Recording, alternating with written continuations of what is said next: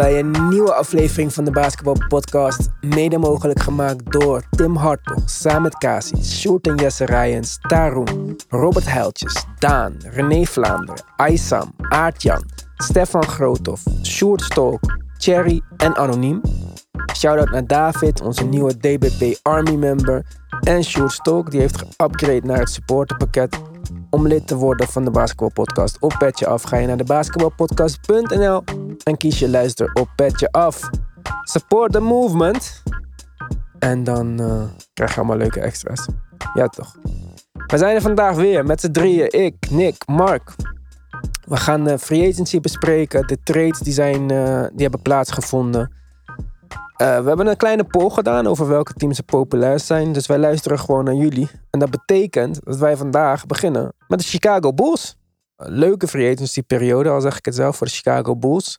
Nog wel wat vraagtekens hier en daar. Ze hebben de Marder Rosen gezeind.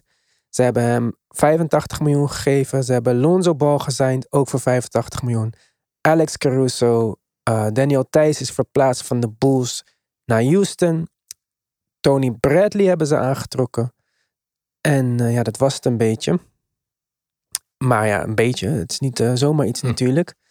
Ze krijgen de Mar Rosen. Daarvoor geven ze op Thaddeus Young, Alfarouk Amino en twee future second round picks. En ze kregen Lonzo in een sign trade waarmee ze Thomas Satoransky en Garrett Temple naar de Pelicans stuurden samen met een second round pick. Dus in totaal hebben ze drie second round picks opgegeven. En één hele populaire speler van de Bulls, Thaddeus Young. Maar daarvoor terug hebben ze dus de Mar Rosen en Lonzo Ball. Nick, welk cijfer zou jij de Bulls geven voor wat zij tot nu toe gedaan hebben? Ik geef ze een dikke vette 9 op 10. Jezus. Mark? Ja. Uh, 7,5. Ik had ze voor een 8 staan. Nick, dan ben ik benieuwd waarom jij zo super enthousiast bent over uh, de Bulls. Ja, omdat ze van een, uh, een, team waar eigenlijk niet over gepraat werd. Ze hebben gewoon, uh, ja, gewoon een solid, solid team op elke positie. zowel aanvallend als verdedigend kunnen ze goede line-ups hebben. Lonzo Ball, ze hebben Patrick Williams goed gedraft. Uh, Markenen gaf aan dat hij een ander team zocht en die, die past toch ook minder goed in dit, in dit rijtje. Ja, toch voor mij een, een nou, ik ga niet zeggen is een zeker playoff team, maar ja, ik denk dat ze wel echt heel erg kunnen verrassen dit jaar. Levine ja. nog niet bijgetekend, contract voor 19,5 miljoen voor één jaar. trade rumors rond Levine zijn naam zouden de Bulls daarom de Rozen hebben gesigned. Een speler met toch overeenkomstige skillset als Levine. Tenminste, als je kijkt naar de oude De Rozen. Want de, de nieuwe De Rozen, zoals ik het dan uh, zou noemen, die we bij de, bij de Spurs hebben gezien, nam vorig jaar voor San Antonio gemiddeld zes schoten minder dan zijn career high bij de Raptors en drie minder dan zijn laatste jaar in Toronto.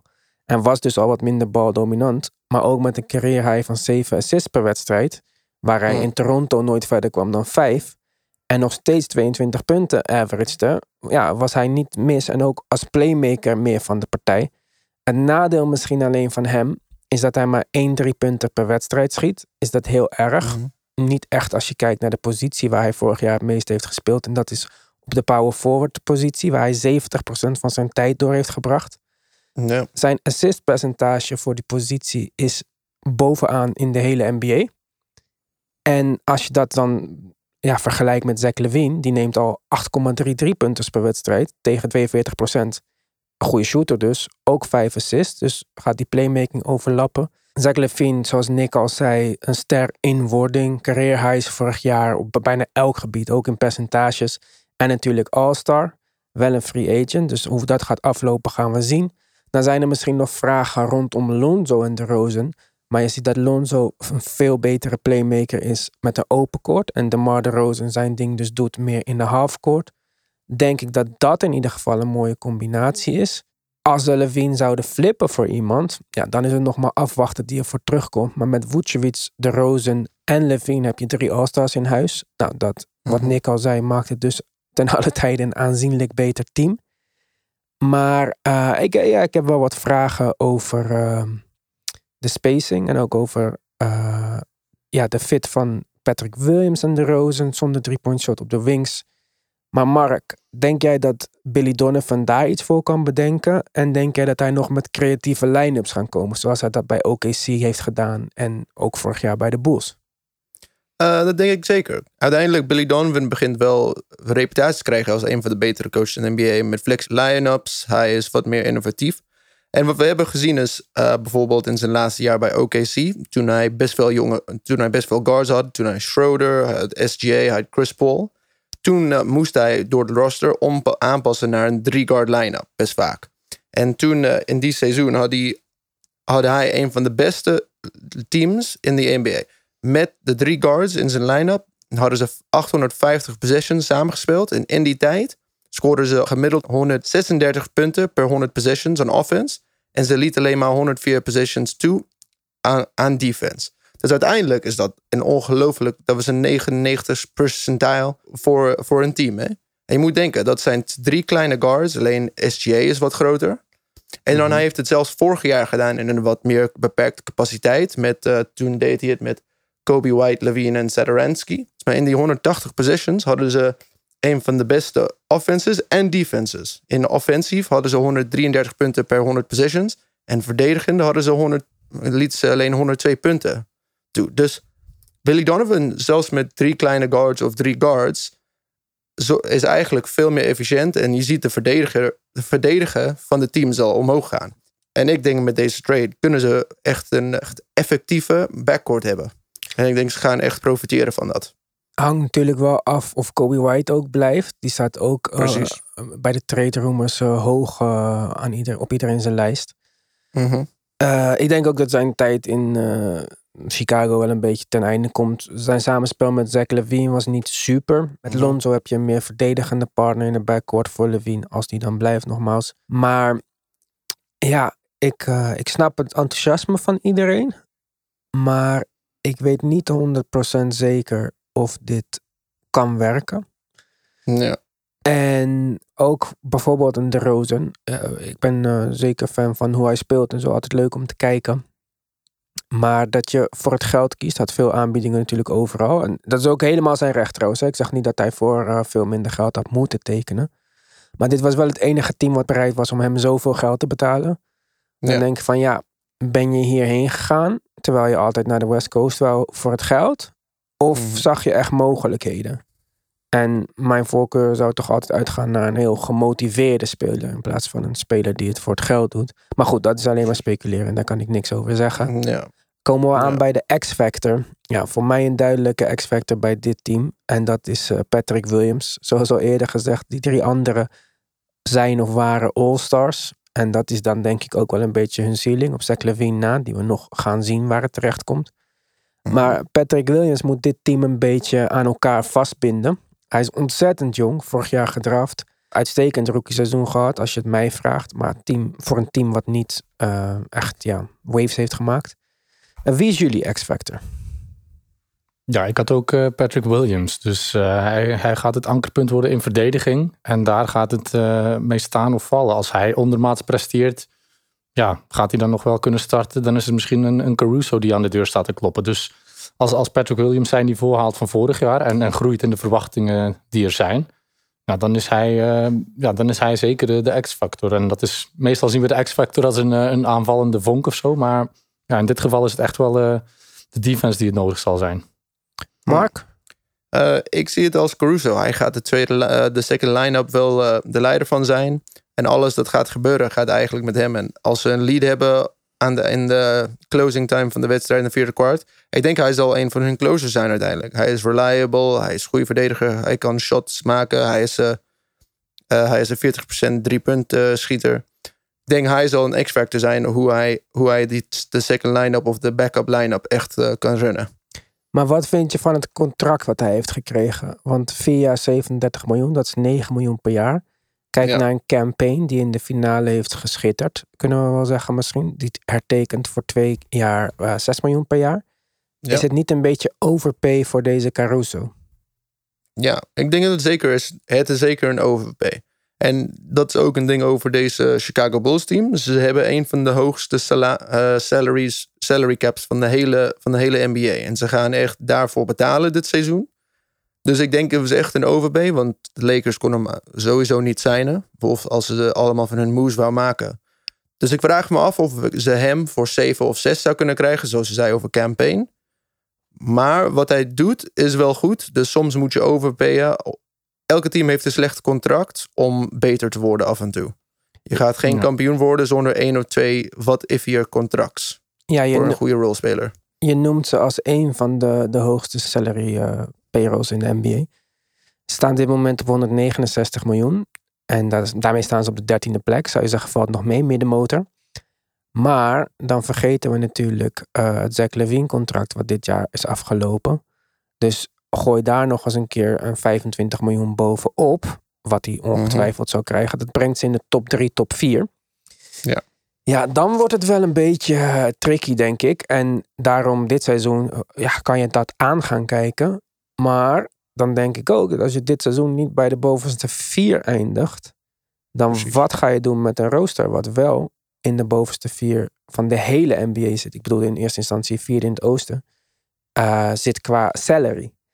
Je gaat, je gaat gewoon simpelweg niet 190 miljoen betalen voor een play-in team. Dus Precies. ik denk dat ook de druk op Billy Donovan daarmee best wel hoog is.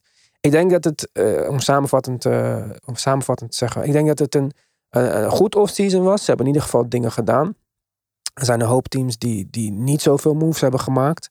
Ze hebben in het afgelopen jaar twee All-Stars aangetrokken. Maar ehm, het is wel een beetje doordij. En ook Ja. om aan Levine te laten zien wat we gaan doen met dit team. Want ja, Ja. dat is, blijft hun beste speler. Ja, zeker een do or die, want ze hebben ook een picks opgegeven van, 2000, eh, van dit jaar, van 2023 en van 2025. Daar hebben ze geen eh, first round picks meer.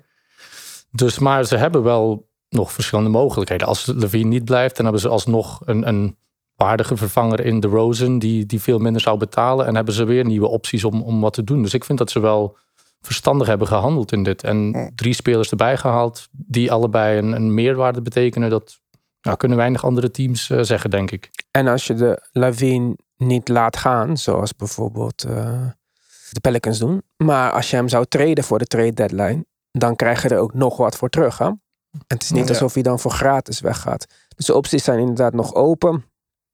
Dus eh, Nick kwam met een 9. Mark, je had een 7 of een 7,5.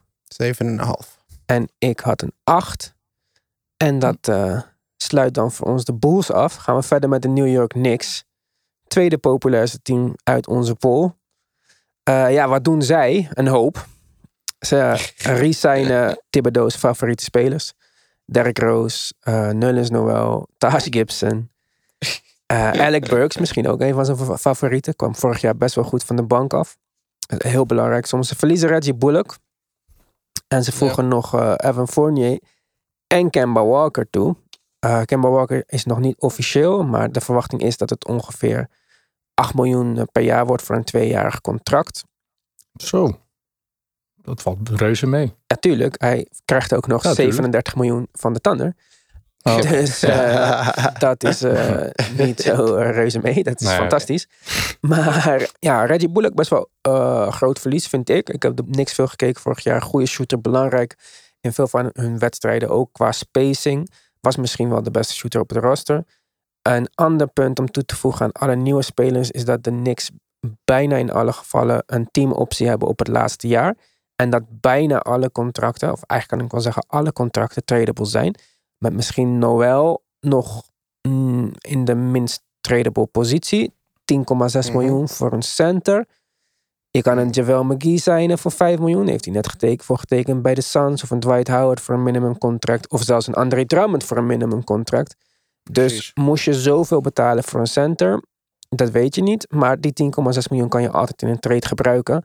En dat is dan ook een beetje waar eh, de New York Knicks hun moves op gebaseerd hebben. Mhm. Ik denk niet dat dit het beoogde off-season doel was. Gewoon deze spelers zijn en dan eh, ja, weer meedoen. Ik, ik denk niet dat ze met dit rooster in de nieuwe Eastern Conference op dezelfde plek kunnen eindigen als vorig jaar.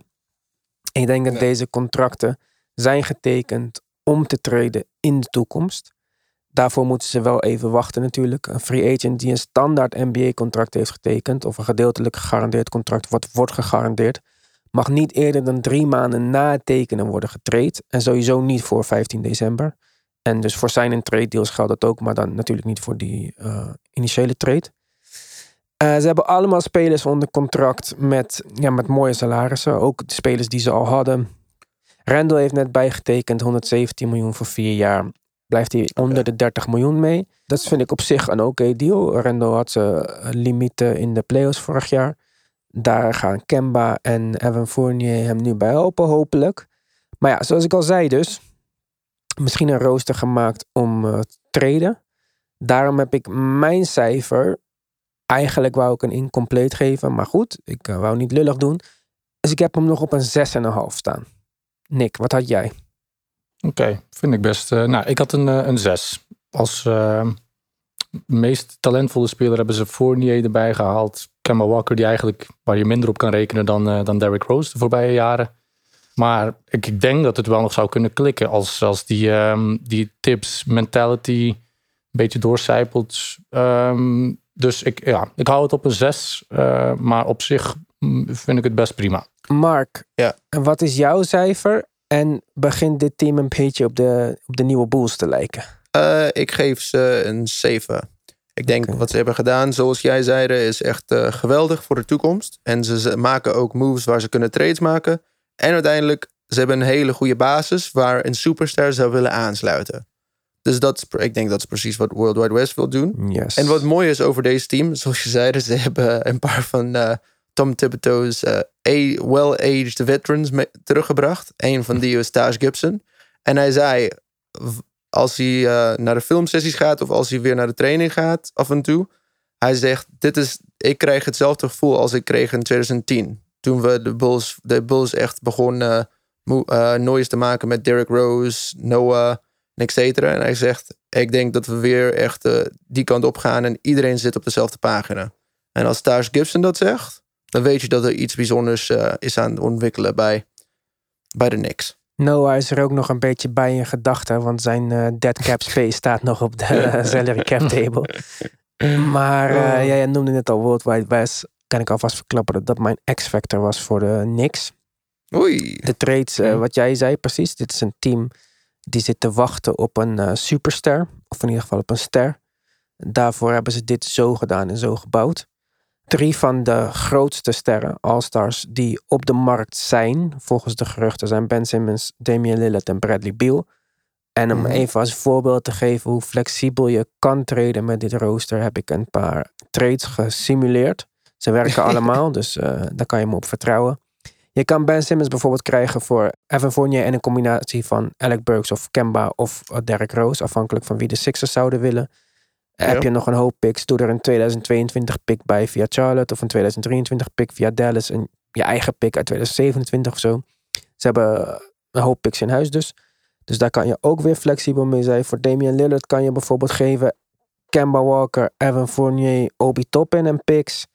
En voor een Bradley Beal, als de Wizards wel uiteindelijk zouden besluiten om te gaan rebuilden, kan je weer Evan Fournier. Die zit in alle trades voor uh, salary cap uh, reasons. Maar dan een jonge core in de trade van Mitchell Robinson, RJ Barrett en Obi Toppin plus picks voor Bradley Beal. Zou misschien wel het beste offer on the table kunnen zijn voor de Wizards. Uh, Zoals ik al zei, World Wide West dus mijn X-Factor. Ook al is Leon Rose de president. Het zou toch World Wide West moeten zijn die de moves maakt op de achtergrond. Ben ik benieuwd naar jullie X-Factors. Mijn X-Factor was uh, RJ Barrett. Okay. Afhankelijk van wat gaat gebeuren met uh, D-Rose, Quickly, Fournier die kunnen allemaal niet op de drie spelen. Dus ik ben benieuwd uh, als uh, eh, RJ Barrett voor best veel minuten of de helft van zijn tijd op de drie gaat zetten. En hoe hij daar gaat ontwikkelen. Ik denk dat ze een hele mooie stap voor hem. En ik denk hij gaat een hele mooie seizoen presteren. Ja, bijna wel zeker dat hij die drie minuten op de drie gaat pakken. Aangezien, ja, wat hij zei, die anderen zijn geen drie's. Niks, wat is jouw X-factor? Niks. Nick, wat is jouw ehm, X-factor? De, mijn uh, X-Factor is uh, wel Kemba Walker. Voor hem is het echt een, een make-or-break year. Als hij weer een, half-half seizoenetje heeft, dan, dan is het gewoon voor, dan is het klaar voor hem. Dus, en dan ja, ziet het er ook minder goed uit voor, voor zijn trade value en dat soort dingen. Dus um, ja, voor mij is dat de, X-Factor. Wat goed is voor hem, is dat hij hoeft in principe, zij hem alleen 20 minuten hoeven spelen. Want je hebt Alex Burks, hebt Fournier, D-Rose, Quickly en dan Kemba erbij. Dus in principe kan hij langzaam opbouwen. Hij hoeft niet ineens... Ze hebben hem niet nodig voor 40 minuten. En dat zou Nee. wel een probleem zijn. Ja, dat maar Thibodeau is dat de had coach, vorig jaar nodig. Ja, Ja, Thibodeau, ja, Thibodeau, die, dat maakt hem niet zoveel uit. Maar ik bedoel, het, plafond kan wel. Hij, hij is de enige die volgens mij het plafond, plafond kan eh, verhogen, zeg maar. Maar als hij gewoon die Kemba van vroeger is, als tips eh, ja, op een of andere manier eh, alles er weer kan uitpersen zonder dat het tot blessures leidt. Ja, dan denk ik dat ze wel eh, weer die verrassing kunnen zijn die ze vorig jaar ook waren. En dat twee jaar op rij doen is wel een stuk moeilijker, denk ik, dan het één keertje te doen. Ja, maar je zei net dat hij de enige is, of een van de weinigen die het verschil kan maken. Ben ik niet helemaal met je eens. Misschien is Evan Fournier bijvoorbeeld geen spectaculaire aanwinst. Maar je starter van vorig jaar was Reggie Bullock. Evan Fournier doet wat Reggie Bullock doet. Plus dat hij zijn eigen schot kan creëren. Je krijgt een Mitchell Ja, nee, terug. RJ Barrett gaat een volgende stap maken. Als het goed is. Als RJ Barrett die volgende stap niet maakt, ben je sowieso fucked. Maar ik denk wel dat het een combinatie is van heel veel spelers. En ik denk ook niet dat eh, Kemba Walker de eerste periode gaat starten. Oké, nou, maar Evan Fournier, daar verwacht ik wel sowieso wel meer van dan, eh, dan van Reggie. Of ja, zeker het, hetgene wat Reggie Bullock bracht. Gewoon, hij is fit. Hij heeft een, een oké seizoen gedraaid. En heeft ook een goede Olympische Spelen gehad. Dus van hem zijn de verwachtingen er wel. Ja, hij heeft eigenlijk een slecht seizoen gedraaid bij de Celtics. Maar dat kwam omdat hij terugkwam van die COVID. eh ja, niet blessure, maar hij had COVID. En daarna Mhm. kwam hij niet meer echt meer... eh, is hij niet echt meer in vorm gekomen. Maar hij heeft net een mooi offseason gehad op de Olympische Spelen. Waar die heel belangrijk was voor Frankrijk. Dus Ja. ik denk juist dat we Evan Fournier met een eh, vernieuwde energie aan een veel beter seizoen gaan zien dan vorig jaar. precies. Ja. We gaan verder met de Lakers. Ja, bro die gaat naar Showtime. Het is eh, iedereen zijn favoriet speler ongeveer. Kan ik je melden dat ik het best wel oké vind dat de Lakers voor hem hebben getraind. Eh, vooral omdat wat ze op hebben gegeven. Kyle Kuzma, Montrezl Harrell, KCP en een first round pick die al gedraft is. Nummer 22, Isaiah Jackson. Die naar alle waarschijnlijkheid niet een superster gaat worden of zo. Dus wat krijgen ze daarvoor terug? Russell Westbrook, twee second round picks. Dus die kan je een beetje als vervanging zien voor die first round pick. Ja, ik had liever in theorie Buddy Hield daar gezien. Omdat ik denk dat het een uitstekende fit is naast LeBron en eh, Davis. Als die twee op het veld zijn. Eh, Westbrook brengt eh, wat meer als die twee niet op het veld zijn. Dus dat vind ik wel heel interessant. Iedereen weet dat ik niet de grootste Westbrook-fan ben. Dus ik ga niet nu opeens doen alsof hij super goede fit is. Ik weet niet wie de Mhm. fucker gaat schieten in dit team. En helemaal nadat ze Ja. nog Kento- eh, Kentavious Caldwell-Pope hebben getraind. Maar eh, ze hebben ook Malik Monk aangetrokken. Ze hebben Taylor Horton Tucker geresigned. Twee jonge guys. Ik weet niet. Ik, eh, ik vind dat dit het beste is een beetje wat ze hadden kunnen doen. Ja, ze zijn Caruso kwijt. Nou ja, fuck it. Dat boeit me niet zoveel. Leuke aanjagende mo- motor. Maar die gaat jou niet helpen aan een kampioenschap. Ik denk dat Russell Westbrook veel meer voor ze kan doen. Helemaal als LeBron niet op, het veld is. Ik, eh, ik, ik ga niet nog positiever zijn over Westbrook. Vond dit wel leuk genoeg. Maar ehm, ja, Mark. eh, het zijn wel een beetje de expendables. Met iedereen die ze gezeind hebben. Van Ariza, Dwight Howard, Wayne Ellington. Die trouwens allemaal eerder voor de Lakers hebben gespeeld. Ja. Ehm, Carmelo Anthony. Ja, Kent Bazemore. Ja, alleen. Malik Monk en eh Taylor Norton Tucker eigenlijk een beetje onder de leeftijdsgrens. En natuurlijk Kendrick Nunn, wat je daar ook van gaat vinden. Maar ja, die komt voor 5 miljoen, dus dat is ook niet jouw grootste probleem op de wereld, denk ik. Nee, precies. Maar ja, goed, de gemiddelde leeftijd van het team en zo is niet eh, super jong. En het kost een hoop. Dus eh, ja, Mark. Ja, ten eerste over de kosten. De, de Lakers gaan het meeste luxury, eh, luxury tax ooit in hun geschiedenis betalen. Je moet denken, dus, de Lakers eh, zijn bekend voor flashy supersterren. En ze gaan dit seizoen 40 miljoen dollar uitgeven aan, salary, aan extra luxury tax. Dus hopelijk kunnen ze met deze oude team wel iets winnen. En als ze gaan winnen, zijn ze dan de tweede oudste team aan het eind van het seizoen.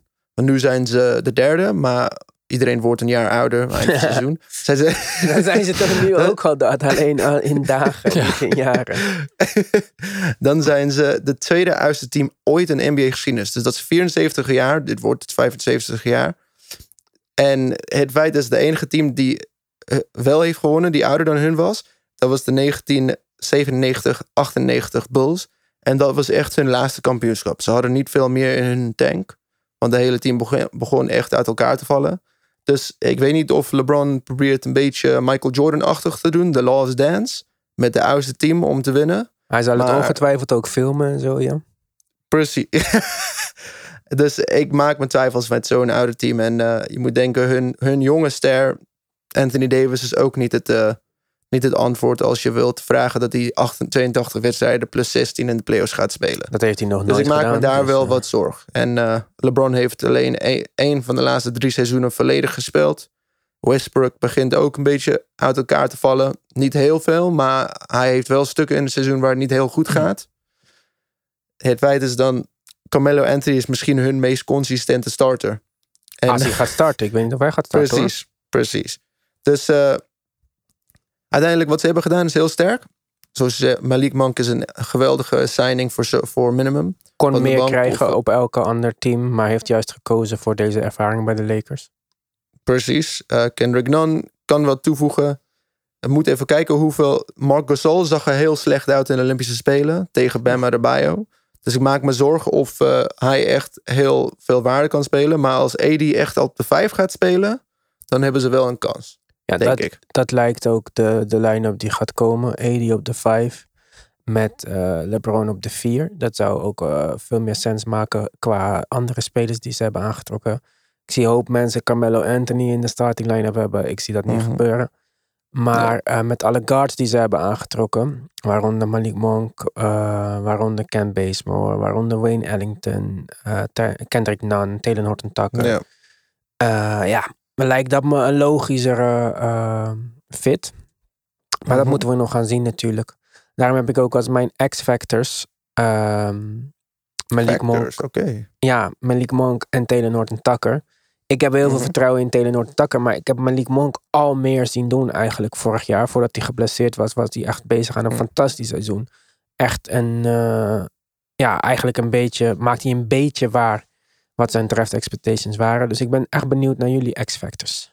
De mijne is gewoon eh, ja, heel simpel Anthony Davis. Als hij speelt, dan kunnen ze eigenlijk van elk team eh, kunnen ze winnen. En dan kunnen ze gewoon daar rond roteren en doen wat ze willen.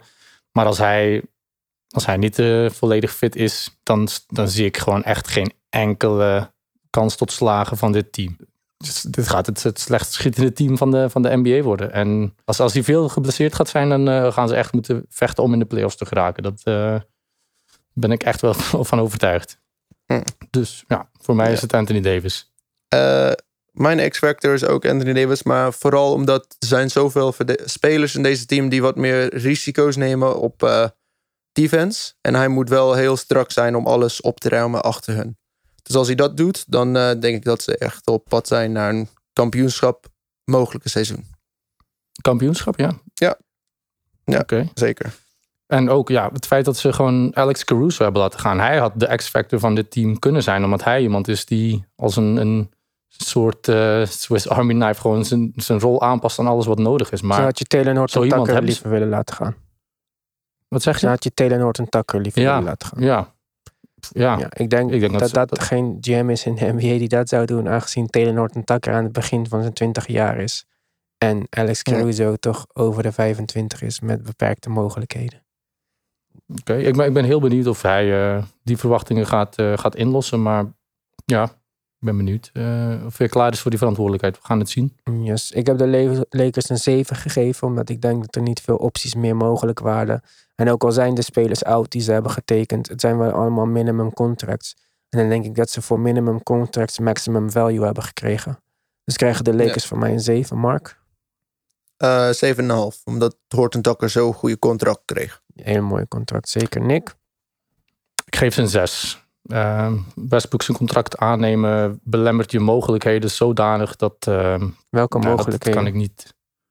Als ze dat niet hadden gedaan, dan hadden ze wel gewoon... Dan hadden ze niet al die, die spelers zo weinig moeten betalen. Dan hadden ze nog een, een Caruso meer nee, kunnen bieden. dan en waren ze nog steeds over de cap geweest. Dus hadden ze nog steeds niemand kunnen resignen, behalve Caruso.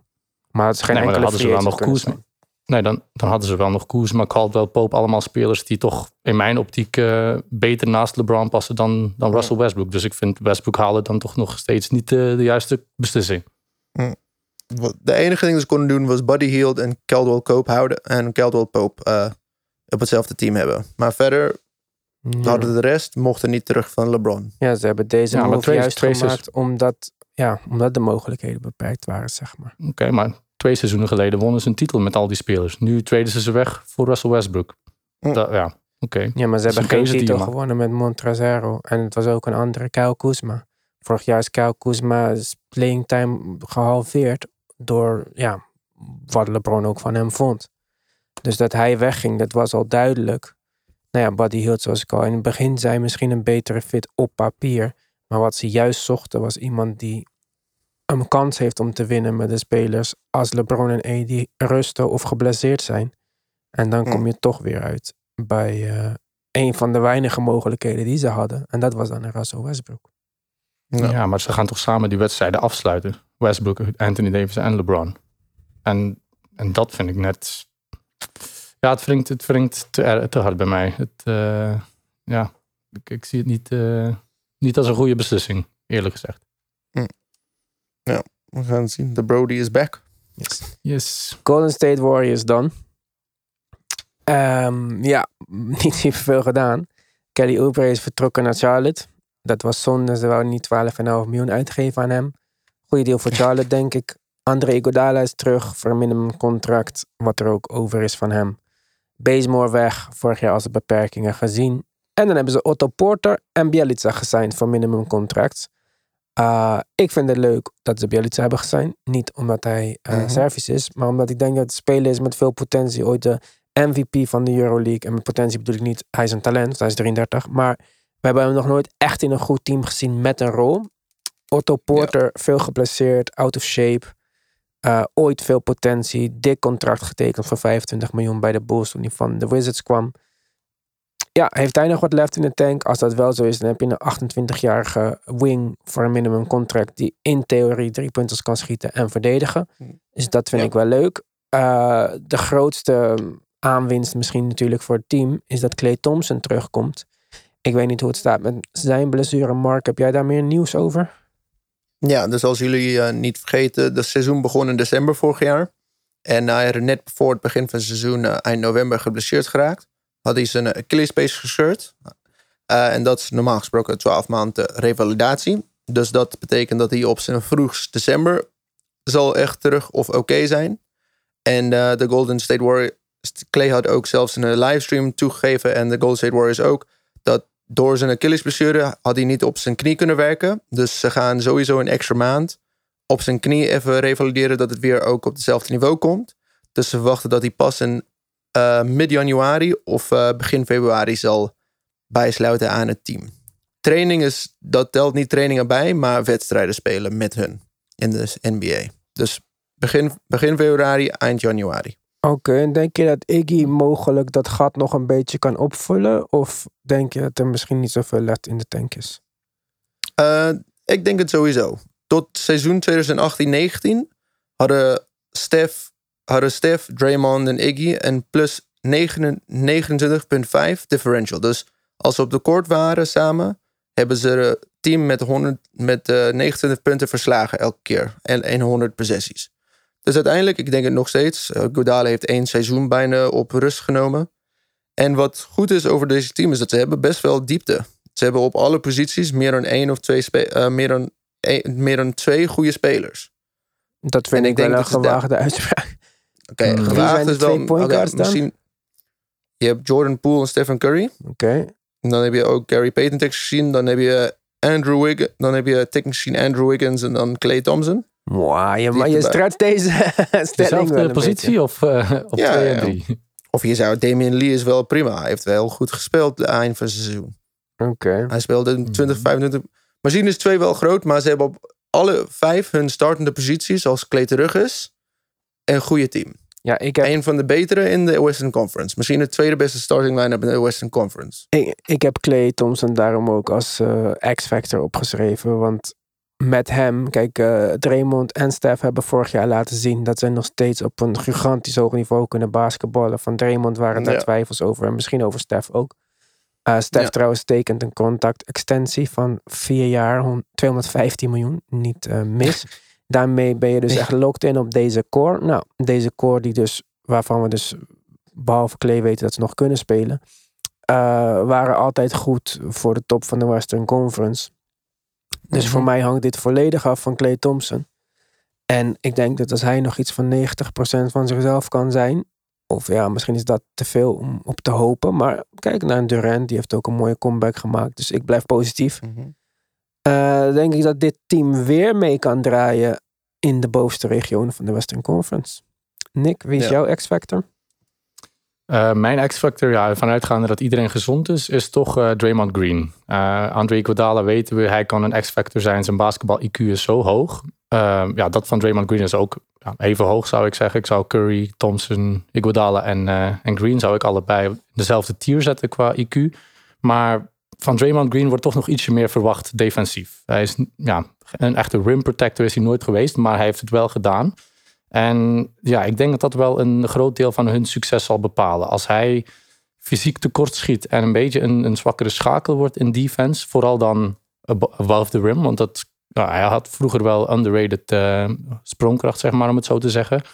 Als hij dat, dat, die fysieke capaciteiten terug kan, eh, kan bereiken, dan, eh, dan denk ik dat ze inderdaad weer eh, ja, gaan strijden voor een top 4 plekje in het Westen. Maar vind je dan Zo dat niet. het vorig jaar niet het geval was bij Draymond?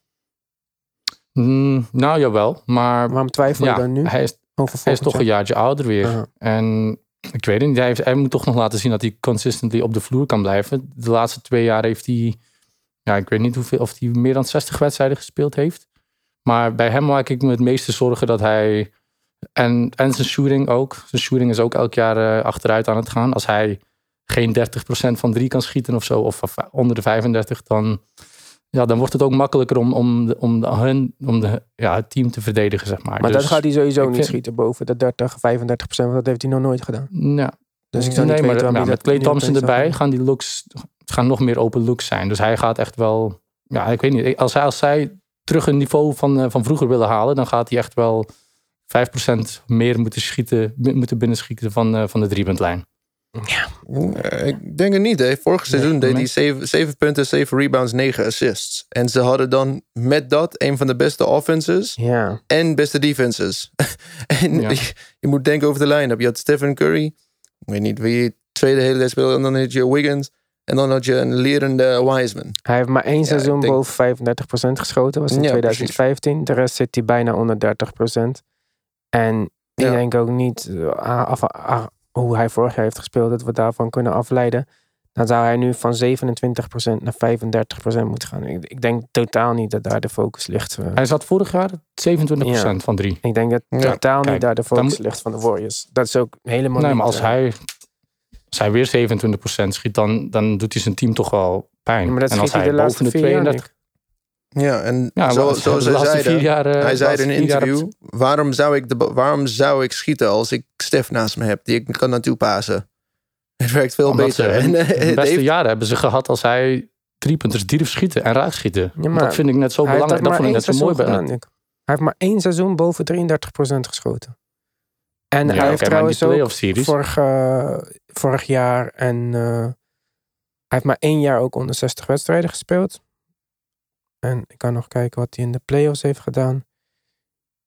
Vorig jaar was hij niet In de playoffs, playoffs heeft hij ook maar twee seizoenen boven 35 procent geschoten. Ja, En hij heeft twee seizoenen 26 procent geschoten en een ring gehaald.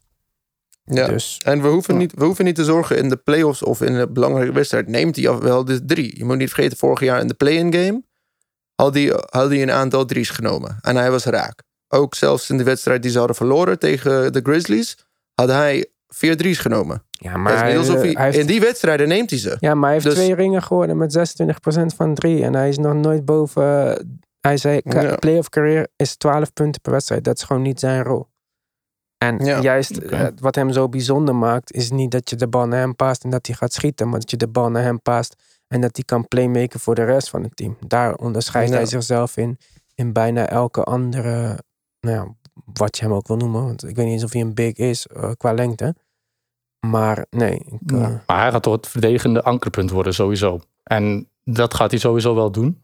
Maar ik denk als hij nog een paar driepunters raak kan schieten, dat zij... Ja, ik denk als Ja, Ben Simmons team- nog een paar drie punten raak schiet, dat het echt eh, de beste speler op de wereld is. Maar ja, Ja. Dat is, Ja. ja, daar heeft er hier, niet, hier niet over beginnen, mensen. Dat gaat ja, maar ja, dat, ja, dan kan je, het over, kan je het er over iedereen... Ik denk als André Drummond Ja. nu een paar drie punten raak schiet... dan wordt het ook eh, veel leuker in Philadelphia. Ja.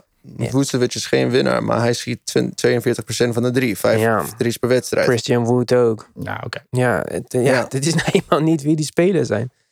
Maar goed, Ja. Ik geef. Mijn X-Factor. ja, geef jij Mijn X-Factor.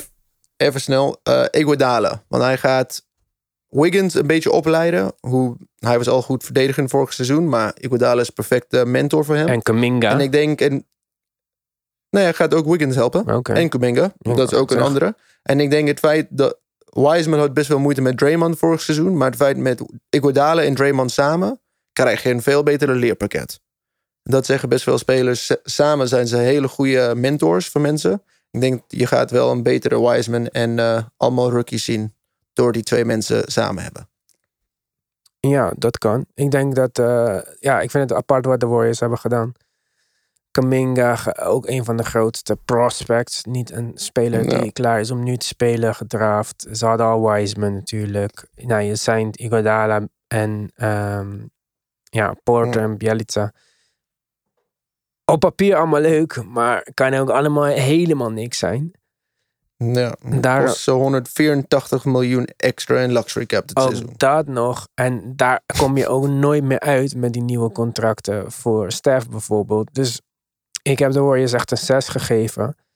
En niet omdat ik vind dat ze kansloos zijn, maar omdat ik niet denk dat wat ze extra hebben gedaan dit offseason ook maar iets van betekenis eh, gaat hebben. Ja, ik geef ze een 4.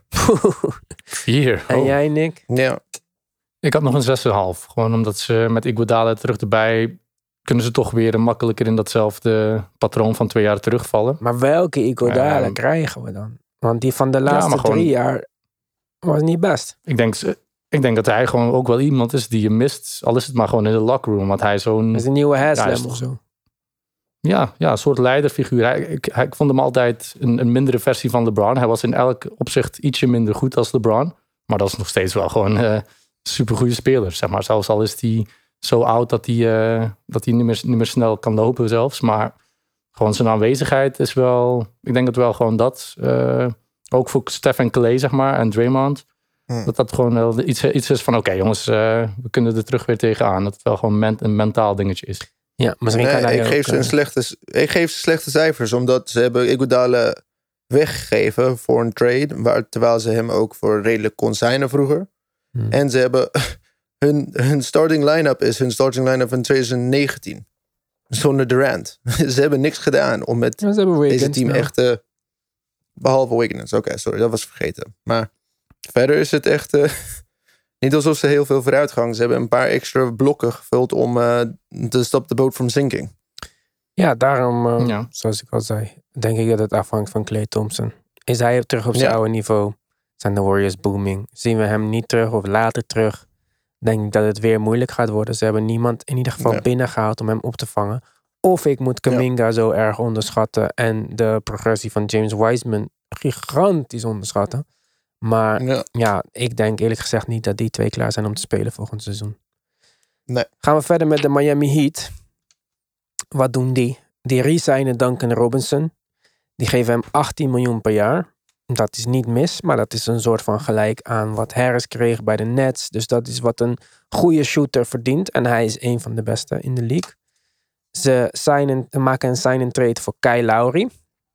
Mhm. Daarbij geven ze Precious Chua en Goran Dragic weg. Die krijgen de Raptors. Nou ja, eh, voor de Raptors denk ik een prima eh, trade. Voor een Lowry die al weg zou gaan. En Chua is echt zo'n Raptors ontwikkelingsspeler. En Dragic zie ik nog wel eh moven naar een ander team. Dus wie weet wat voor assets ze daarvoor terug kunnen krijgen.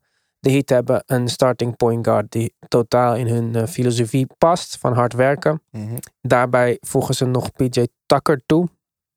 Zowel Kyle Lowry als PJ Tucker krijgen misschien wat probleem, problemen met die vetpercentage test die de Heat eh, om de twee weken doen. ze, ze raken natuurlijk Kendrick Nunn kwijt. Verder zijn ze eh, Gabe Vincent die ze al hadden. Max Struss eh, die ze al hadden. Omer Jurtuzeven, wie kennen ze allemaal niet. Ze raken Trevor Ariza kwijt, Andre Iguodala. Ze krijgen Markieff Morris van de Lakers, ook voor een minimum contract. Ze resignen Dwayne Dedman en ze raken Bielitsa kwijt. Uh, Udonis Haslem, nog niet zeker wat die gaat doen. Maar ik denk dat hoe dan ook, dat we hem uh, terug gaan zien op de bank volgend jaar. Of als assistant, mm -hmm. of als weer zogenaamde speler. Mm -hmm. Maar um, ja, het belangrijkste misschien van de offseason voor de Heat is dat ze Jimmy Butler een vier jaar 184 miljoen contract extension hebben gegeven. Ja. Waar ik persoonlijk heel veel twijfels over heb. In, op, in eerste instantie dacht ik, wauw, Miami Heat, Bam, Lowry, Tucker, Butler, wat een tough team. Maar in tweede instantie dacht ik, wauw, wat een oud team, wat zomaar ook helemaal niet kan scoren. We hebben Jimmy Butler vorig jaar gezien. Um, hij was niet geblesseerd. Hij is met 4-0 gesweept. Hij was daarin ook als playmaker en als eigen schot creëerder uh, slecht, kan ik wel zeggen. Ja, 14 punten per wedstrijd in de playoffs. Is al boven de 30. Je geeft hem nu een vier extensie voor een bedrag waarvan ik denk... Jimmy Butler supergoed. En vooral het jaar natuurlijk dat ze de finals haalden in de bubble. Aparte situatie. Maar ik denk niet dat je dat geld kan geven aan iemand met deze beperkte um, productie. Dus ik hoop dat uh, Pat Riley weet wat hij doet. Uh, deze spelers zijn oud, maar Pat Riley is uh, nog veel ouder. Ja, ik, ik weet het niet, jongens. Ik was eerst heel enthousiast. Mijn gevoel is van: wauw, wat een team wordt dat. Hè? Als je daar tegen gaat spelen, dan denk je echt van: wow, nee, alsjeblieft niet. Want iedereen die op je switch krijg je een lastige avond. Maar ja. nu denk ik van ja, ik, ik weet het niet. Ik heb echt mijn twijfels. Ook PJ Tucker. Uh, trouwens, uh, kijk, PJ Tucker halen vind ik uh, niet slecht. 7,5 miljoen betalen ook niet per se. Ja. Dat de Bucks hem laten gaan en niet 7,5 miljoen betalen om een kampioenschapsteam bij elkaar te houden, vind ik ook apart. Maar ja, ja nee. Ik, ik kan niet hoger gaan dan een 6,5 helaas. Maar hm. ik gun ze een, een fantastisch seizoen. Dus het is niet dat ik ze stom vind, maar ik denk dat het gewoon, ja, nee. Mark. Oké. Okay. Uh, ja, ik zit wel soort van op dezelfde lijnen. En uh, de grote vraag is, wat gaan ze dan volgend jaar doen met, Duncan, uh, met Tyler Hero? Die is zijn contract begint dan bijna op te lopen. Wat gaan, geven ze een extension? Mhm. En dan zit deze team zo ver boven de, boven de luxury tax. En Nicky Harrison is niet een van de rijkste owners van de hele NBA zij, let, zij moeten wel opletten op hun team. Zoals ze deden met de Heatles. Uiteindelijk moesten ze best wel kosten cutten. Om te zorgen dat ze een beetje in de lucht, in de, in de lucht kon blijven. En besef dat de Heatles LeBron... moesten paycuts nemen voor dit team. Precies. En dat heeft Jimmy Butler niet gedaan. Ja, en ik denk, je kijk, als je kijkt naar hun starting line-up. Kyle Lowry, 17 punten. Dan heb je Duncan Robertson en Tyler Hero. Krijg je 30 samen van hun. Dus dan ben je op 45. Dan krijg je Jimmy, 20 punten dan ben je, dan ben je pas op 70 punten en dan bam. Je, hebt niet, je moet echt heel veel verwachten van best veel oude spelers. Ja. En wat gebeurde? Jimmy heeft alleen één keer, eh, twee keer boven 70 wedstrijden gespeeld. Lowry heeft uh, de laatste, drie, laatste vier seizoenen alleen één keer boven de 70 wedstrijden gespeeld. De pandemic seizoen weet ik niet precies hoeveel hij had gespeeld met de minder wedstrijden. Maar nogmaals, het is niet alsof je 80 wedstrijden krijgt van ze. Ja. En uh, in de East met deze teams, met Brooklyn, met de 76ers, met de Bucks. Als je geen home court advantage van hun krijgt, dan heb je ook geen kans tegen ze. En je zei net al, Jimmy Butler scoort bijna 22 punten. Dat zijn er 21,5 om precies te zijn. Ja. En ook één van zijn drie seizoenen dat hij boven de 21 zit. Ja, ik vind het echt een hoop. Hij is, kijk, dus hij is niet de beste speler. Zelfs in het Philadelphia-team, waar hij zeg maar een soort van de ideale rol had om vrij te creëren, um, had hij 18 punten per wedstrijd. Ja, hij had vorig jaar een hoog assist aantal, 7. Maar nu krijg je een meer playmaking terug. Dus ja. dat, dat wordt minder opgeleund. Ik, ja, ik kan deze deal niet goed praten. Ik vind het een uh, fantastische work ethic speler en zo. En ik denk ook dat de Miami Heat culture echt uh, duidelijk neergezet is met dit team. Maar het is een hoop geld voor een hoop oude spelers en een weinig scores. Ja. Nick, wat is jouw cijfer? Mijn cijfer is een eh 7,5. Dus ik zie het toch nog ietsje positiever eh, als jullie, denk ik. Ik, ik. Ja, het is afwachten natuurlijk. Maar ik geef hen het voordeel van de twijfel vorig jaar. Omdat ze toch die finals gespeeld hebben het jaar daarvoor. En weinig tijd hebben gehad om te herstellen. Ja, tricky. Maar ik vind toch dat ze hun, probleempunten wel hebben aangepakt. Ze hebben, ze hebben van alles een beetje. En ik denk dat ze vorig jaar toch... eh, ja, een beetje pech hebben gehad dat Jimmy zo ondermaat slecht was. Zo gaat hij ook geen twee jaar op rij zijn, hoop ik, denk ik. Maar Was vorig jaar nog steeds beter statistisch gezien dan voorgaande jaren? ja, het is een playoff eh, run had ik het over. Maar eh, ja, ik, ik vind dat ze toch eh, een goede offseason gehad hebben. Ze hebben spelers bijgehaald met bakken ervaring. Two-way spelers die binnen de heat culture passen. En ja, ze hebben er toch... eh, ik denk dat, ze, dat, dat eh, PJ Tucker de Dogs er wel eh, kan uithalen bij dit team.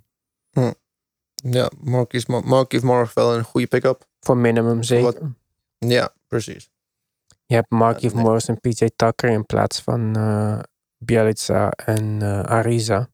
Dat denk ik zeker een verbetering.